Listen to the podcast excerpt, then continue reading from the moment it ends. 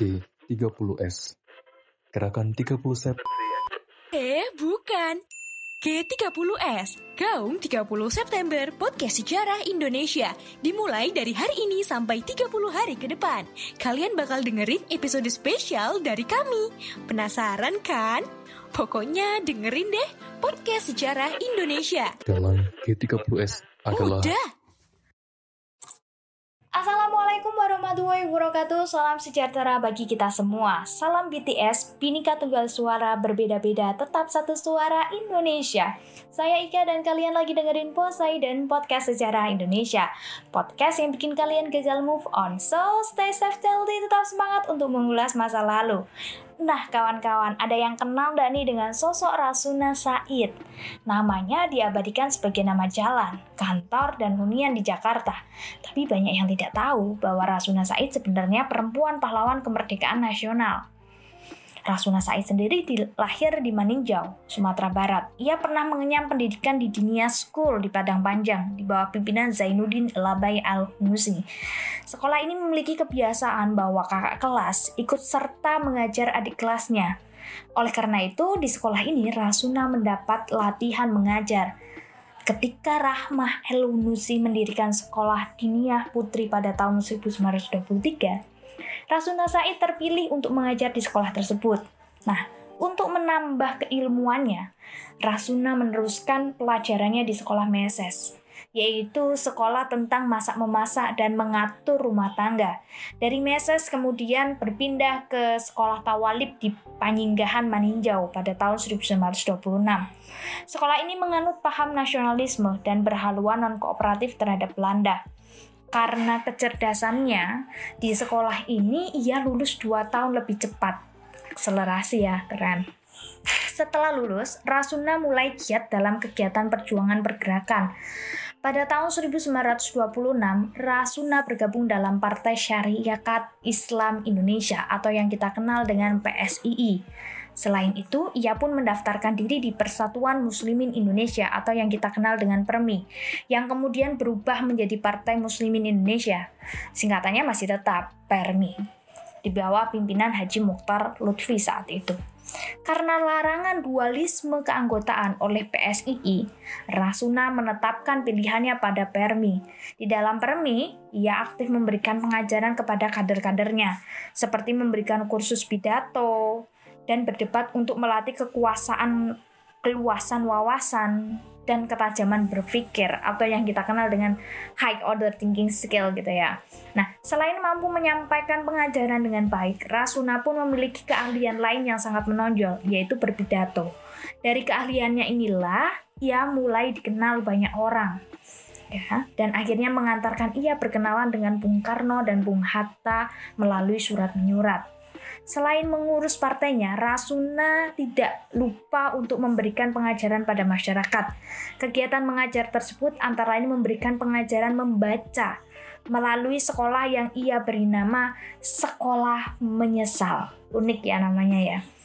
Serta mengajar di Sekolah Tawalib Putri, kemudian kursus putri dan khusus normal di Bukit Tinggi.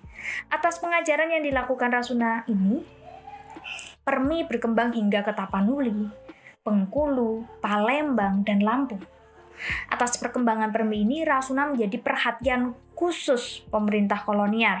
Pemerintah kolonial yang merasa terancam kemudian memutuskan menangkap Rasuna pada tahun 1932 setelah ia berpidato berapi-api dalam acara rapat umum Permi di Payakumbuh. Pidato Rasuna ini memang dikenal ya uh, layaknya petir di siang hari. Itu kalau dalam bukunya Ahashim, tulisan Ahashim dalam buku Semangat Merdeka 70 tahun menempuh jalan pergolakan perjuangan kemerdekaan. Nah, atas putusan pengadilan, Rasuna akhirnya dijatuhi hukuman satu tahun dua bulan dengan pengasingan di Semarang, Jawa Tengah.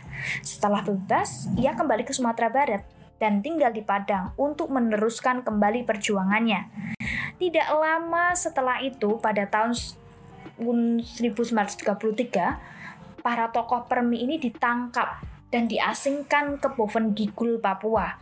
Setelah penangkapan ini, Rasuna lebih banyak menghabiskan waktunya untuk belajar di Islamic College. salah satu sekolah yang didirikan Permi dan dipimpin oleh Mukhtar Yahya. Pribadinya yang cerdas, proaktif, telah menjadikan Rasuna terpilih sebagai pemimpin redaksi Raya, majalah Raya ya, yang diterbitkan oleh murid-murid Islamic College.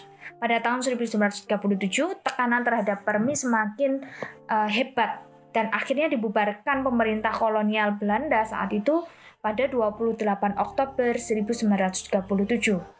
Rasuna sangat terpukul dengan peristiwa ini sehingga memutuskan untuk hijrah ke kota Medan, Sumatera Utara.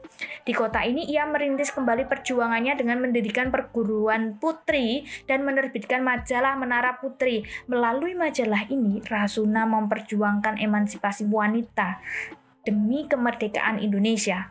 Selain itu, majalah ini juga mengajak masyarakat untuk senantiasa kritis terhadap praktik penjajahan Ketika Belanda hengkang, ia kembali ke Sumatera Barat.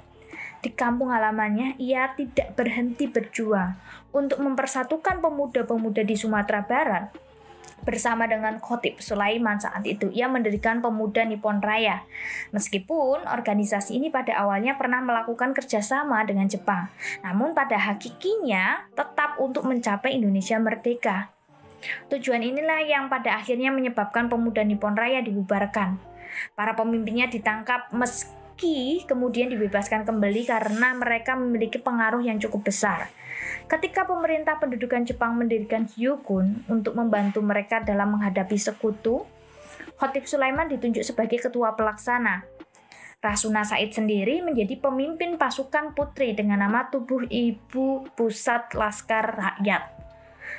Pada masa itu, Rasuna Said masih aktif dalam membentuk kader perjuangan bangsa. Ketika Indonesia merdeka, kiprah Rasuna dalam memperjuangkan bangsa dan negaranya masih terus berlanjut.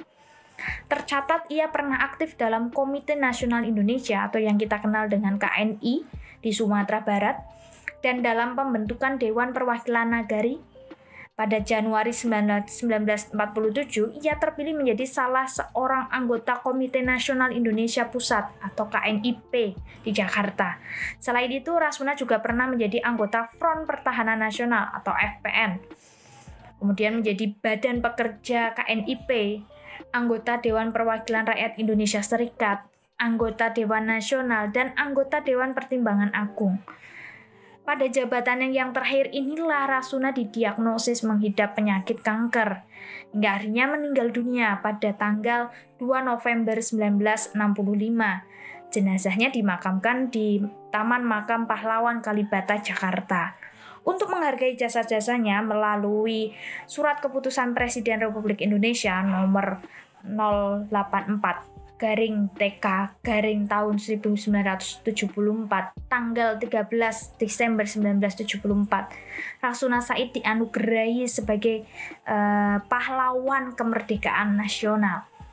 Nah, satu hal yang bisa kita ambil hikmahnya dari sosok Rasuna Said ini kawan-kawan, yaitu semangatnya untuk selalu mengupgrade diri ya. So tetap semangat menebar kebermanfaatan bagi sesama. Saya Ika pamit undur diri. Terima kasih. Wassalamualaikum warahmatullahi wabarakatuh. Terima kasih.